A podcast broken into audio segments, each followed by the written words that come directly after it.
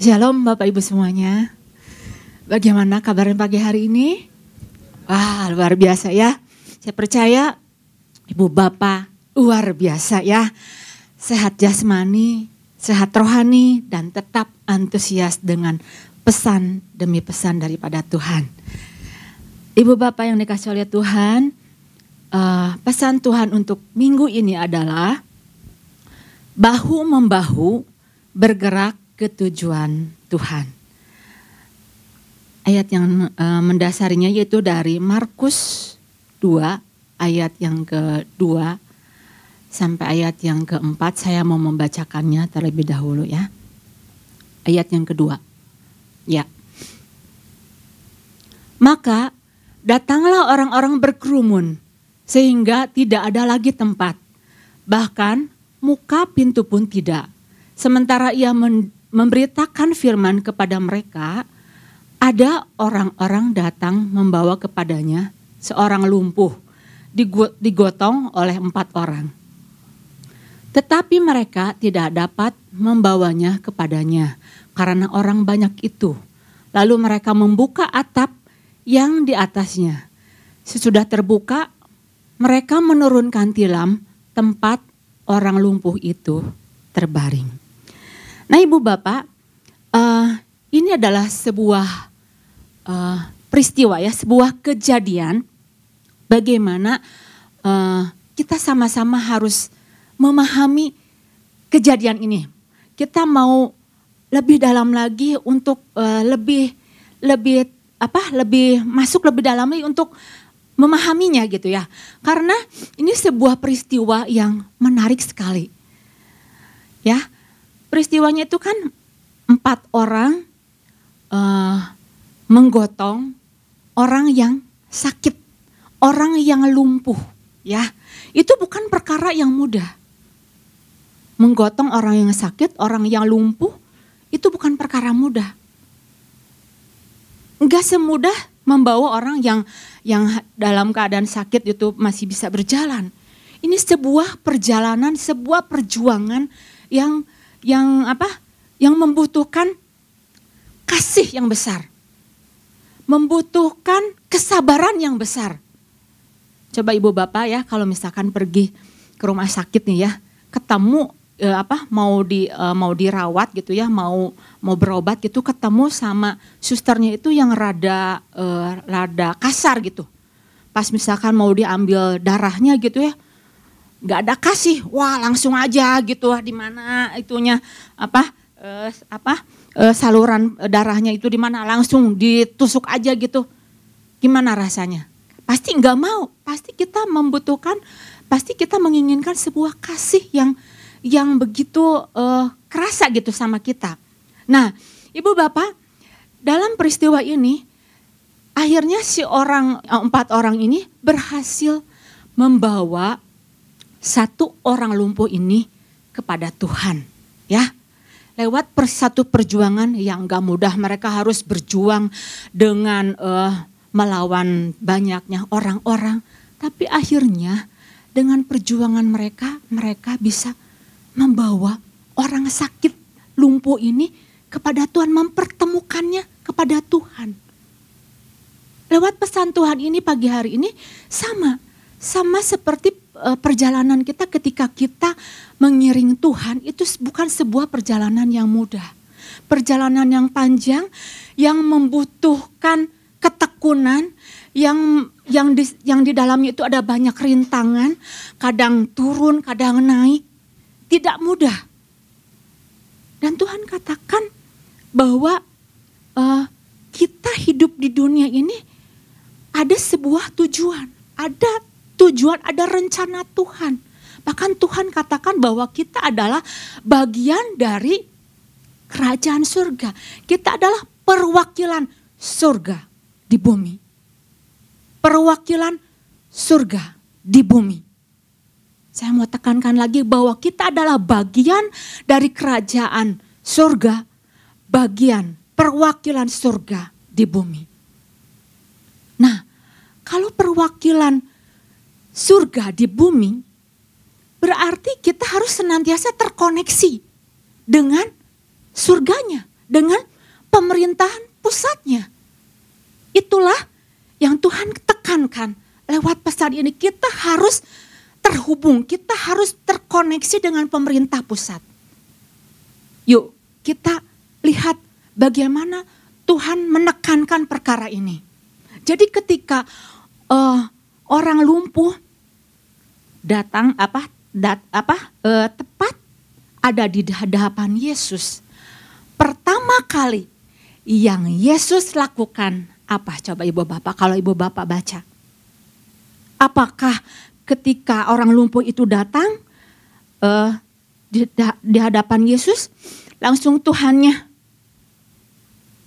oh sakit ya yang mana sakitnya ayo aku doakan demi nama Yesus bangun berjalanlah angkatlah tempat tidurmu mungkin Tuhan apakah meraba-raba tidak didapati sama sekali tidak. Tetapi yang didapati coba di ayat 5 ayat ayat 5 berkata apa? Ketika Yesus melihat iman mereka, berkatalah ia kepada orang kepada orang lumpuh itu, "Hai anakku, dosamu sudah diampuni." Jadi kalimat pertama yang Tuhan katakan, tindakan pertama yang Tuhan katakan adalah dosamu sudah diampuni. Apa itu dosa? Ibu bapak, dosa adalah pemisah antara surga dan bumi. Dosa adalah terputusnya hubungan manusia dengan Tuhan. Dosa adalah lumpuhnya manusia dengan Tuhan. Ini kalimat pertama yang Tuhan lakukan. Dosamu sudah diampuni. Jadi tindakan Yesus yang pertama kali bukan menye, menye, menyembuhkan kelumpuhannya. Tindakan yang Yesus pertama pertama kali lakukan adalah dia memulihkan terlebih dahulu hubungannya dengan Tuhan. Artinya apa? Bagi Tuhan, putusnya hubungan dengan surga itu jauh lebih berbahaya dari kelumpuhan secara fisik. Artinya apa? lumpuhnya hubungan dengan Tuhan itu jauh lebih berbahaya dari sekedar yang kita butuhkan. Jadi pertama yang Yesus lakukan adalah dia pulihkan terlebih dahulu hubungan orang lumpuh ini dengan Bapaknya. Apakah Yesus tahu kebutuhan orang lumpuh ini? Oh sangat tahu. Dia datang dalam keadaan tergolek, tidak bisa berbuat apa-apa. Tuhan tahu. Dia ingin disembuhkan. Tapi hal yang pertama yang Tuhan perbuat, yang Tuhan lakukan, dia sembuhkan terlebih dahulu manusia batinianya.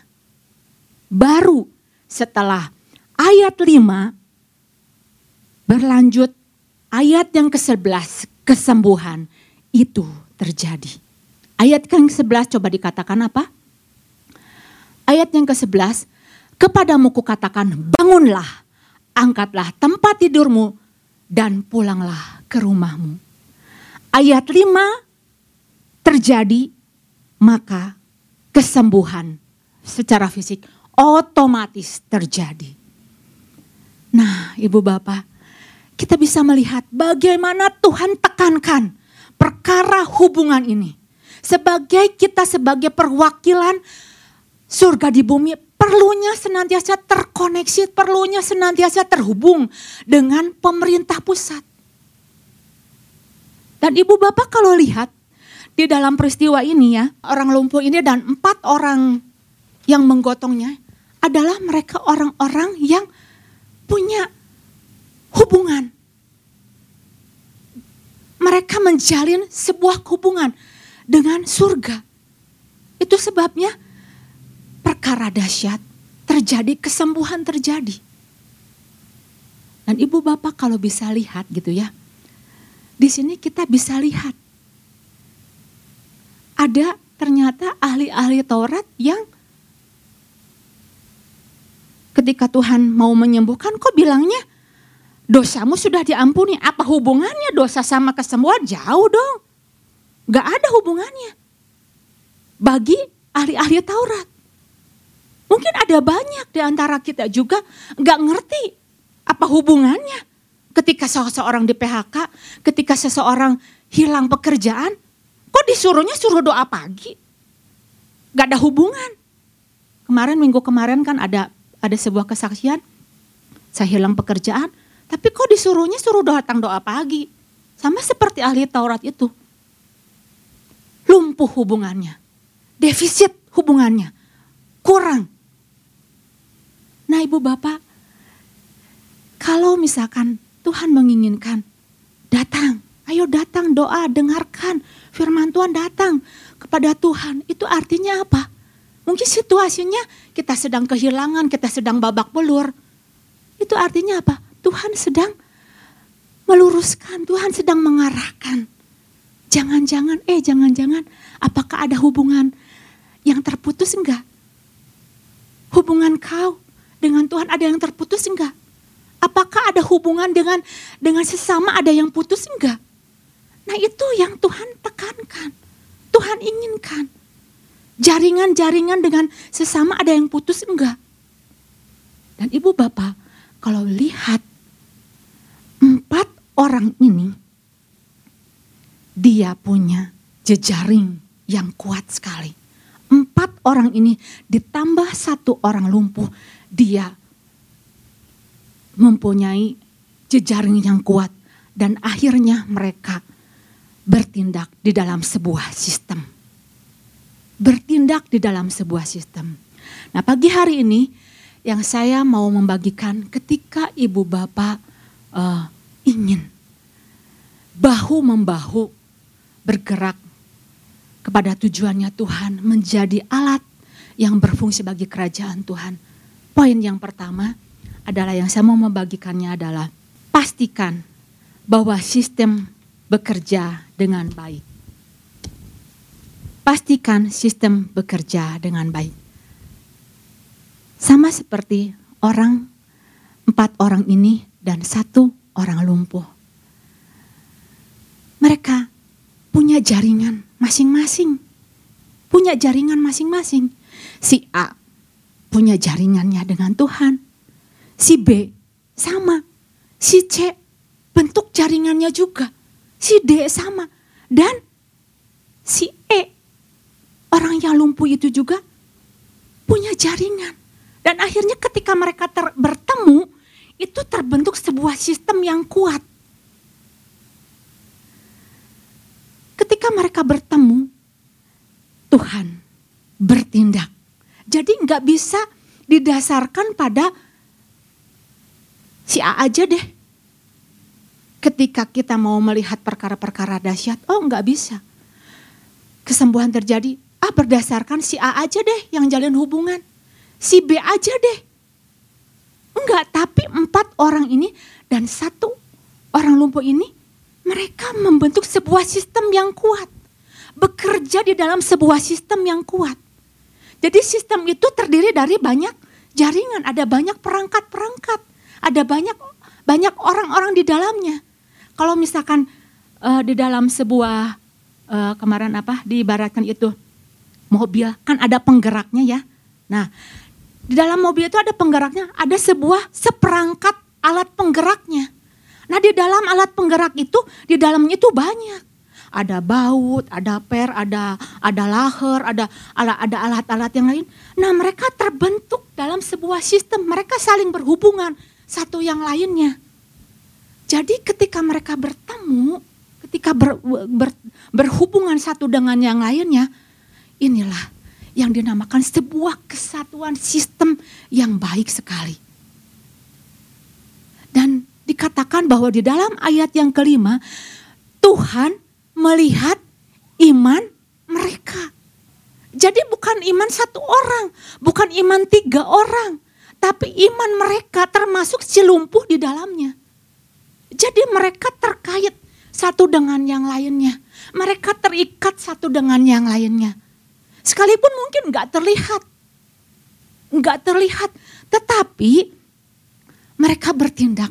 Mereka berinteraksi satu dengan yang lain itu saling mengisi. Ketika diangkat, kemudian mau diturunkan. Karena terkait satu dengan yang lainnya.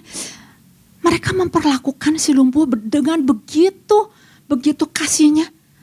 Awas-awas mungkin kepalanya atau mungkin kakinya, ayo diperhatikan. Ada sebuah interaksi. Manusia batininya itu walaupun nggak berbicara, nggak ngomong, tapi bisa berinteraksi, nyambung gitu satu dengan yang lainnya. Ibu bapak pernah mungkin ketemu uh, dengan apa ketika kita melakukan sebuah tugas gitu. Ada orang yang gak bisa nyambung dengan kita. Mungkin nggak klop gitu nah mungkin itu ada yang di dalamnya yang nggak klop gitu tetapi lewat lewat peristiwa ini empat orang ini dan satu orang ini bekerja membentuk sebuah sistem yang begitu baik nggak bisa di, di, apa didasarkan hanya satu orang karena Tuhan katakan melihat iman mereka. Mereka. Jadi artinya empat orang dan satu orang si lumpuh ini. Artinya mereka bentuk sebuah jaringan. Mereka bentuk secara pribadi hubungannya dengan Tuhannya. Sehingga perkara dahsyat terjadi. Nah perkara ini pun sama ibu bapak. Bukan hanya di dalam kisah ini. Dalam sebuah keluarga pun sama Keluarga adalah sebuah sistem. Di dalamnya ada ayah, ada ibu, ada anak-anak. Mereka masing-masing harus terkoneksi sehingga terbentuk sebuah sistem yang baik. Gak bisa ketika seseorang pengen melakukan, pengen mengalami pemulihan, ah udah deh, ibu aja deh, atau bapak aja deh. Enggak, semuanya harus membentuk sebuah sistem.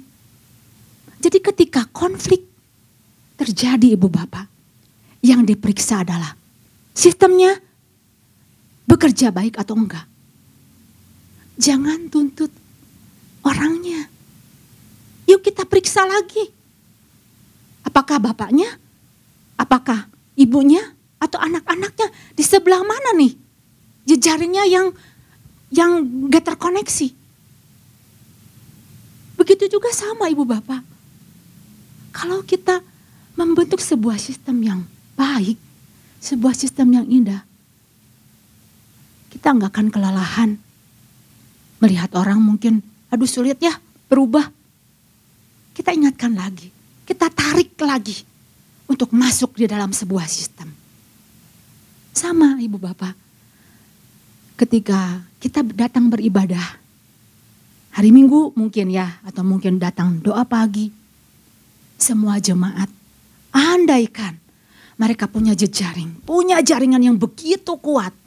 Enggak ada istilahnya yang yang namanya gini, ah garing lah pujiannya, ah enggak dapat apa-apa. Oh enggak. Kalau setiap pribadi kita punya jaringan, punya hubungan, saya percaya sekali setiap jemaat yang datang siap untuk diberkati. Dan kebe dan kegerakan terjadi. Itu itu sebabnya Ibu Bapak. Ayo kita sama-sama lagi cek sistem kita. Cek lagi keberadaan diri kita. Itu poin yang pertama yang saya mau membagikannya. Kemudian Ibu Bapak yang kedua, ketika kita uh, mau menjadi pribadi yang bisa bahu membahu gitu ya. Bergerak pada tujuannya Tuhan dan menjadi alat yang berfungsi pastikan bahwa setiap kita adalah orang-orang yang dipercaya. Bahu membahu bergerak harus harus jadi orang yang dipercaya dong. Betul. Saya percaya sebelum uh, empat orang ini datang datang ketemu sama uh, yang sakit gitu ya, yang yang lumpuh ini, mereka ada sebuah pembicaraan, diskusi dulu sebuah perbincangan. Ya, karena pada waktu itu di Kapernaum itu sedang heboh-hebohnya.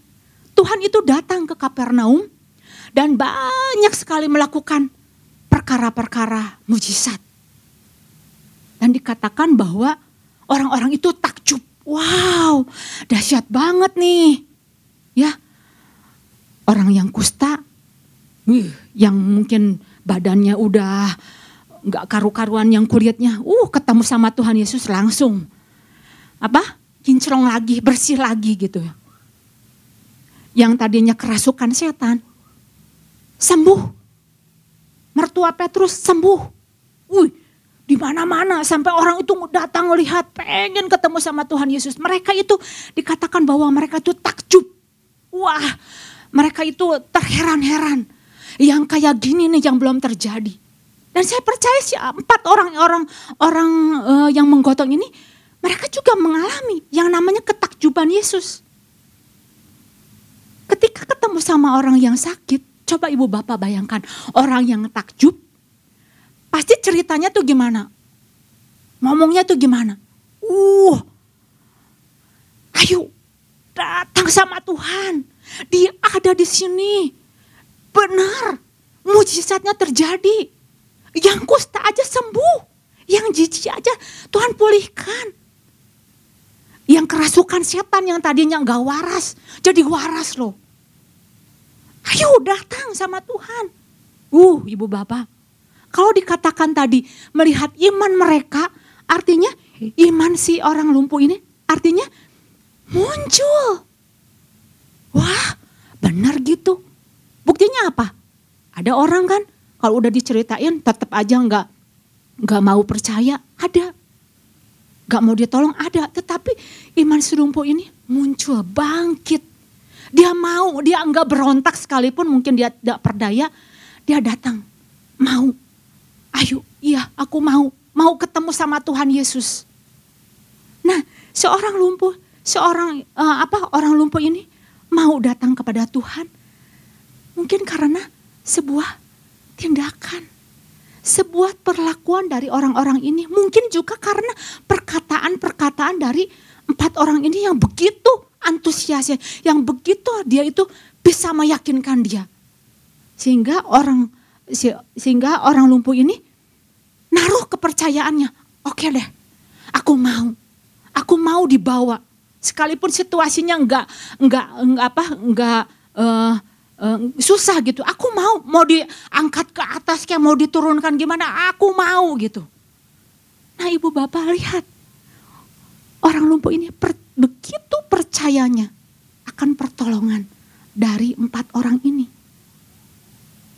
Kalau akhir-akhir ini, hari-hari ini, kita melihat orang baik gitu ya, kita kadang udah dipenuhi rasa curiga nih. Ada baik apa nih? Ada maksud apa nih di baliknya? Jangan-jangan mau ketip, mau nipu nih. Banyak kan akhir-akhir ini baik, baik, baik, ujung-ujungnya nipu, baik, baik, baik, janji-janji janji manis, akhirnya nyelakain. Tetapi orang lumpuh ini dia menaruh percaya penuh kepada empat orang ini. Dan saya mau katakan bahwa empat orang ini adalah rekan sekerjanya Tuhan. Mereka adalah perwakilan surga di bumi. Mereka adalah pengantara yang sakit dengan Tuhan. Penghubung yang sakit dengan Tuhan. Jadi kalau di dalam perjanjian lama yang namanya penghubung itu siapa ibu bapak? Imam. Betul? Imam adalah penghubung manusia dengan Tuhannya. Nah ini mereka adalah imam. Dan dikatakan bahwa di dalam perjanjian lama, seorang imam itu tidak boleh lumpuh. Yuk kita sama-sama dulu lihat dulu ayatnya ya. Di dalam Imamat 21 ayat yang ke-16.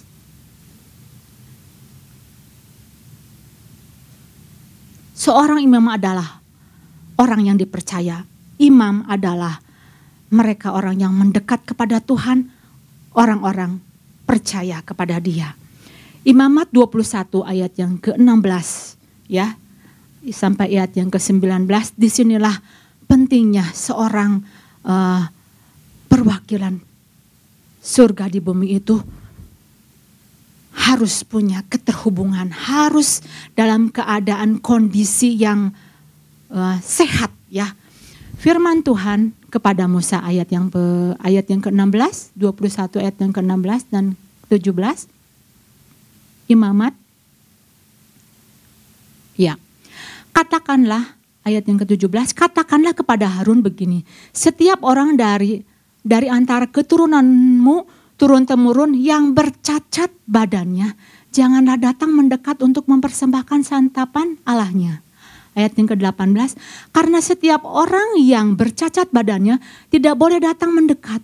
Orang buta, orang timpang, orang yang bercacat mukanya, orang yang terlalu panjang anggotanya, ayat yang 19, orang yang patah kakinya atau tangannya. Nah, Ibu Bapak di sini kita bisa lihat bagi Tuhan lumpuh adalah cacat. Bagi Tuhan lumpuh adalah kecacatan. Apa yang bisa diandalkan dari orang yang lumpuh? Enggak ada yang bisa diandalkan. Enggak bisa dipercaya. Tuhan katakan, enggak boleh dia mendekat. Enggak boleh dia masuk ketemu sama aku. Kalau dikatakan hari-hari ini, enggak boleh dia melayani. Karena bagi Tuhan itu adalah sebuah kecacatan. Tuhan enggak mau ada sebuah kecacatan. Uh, 1 Timotius 3 ayat yang kedua. 1 Timotius 3 ayat yang kedua. Karena itu, penilik jemaat haruslah seorang yang tak bercacat. Termasuk apa?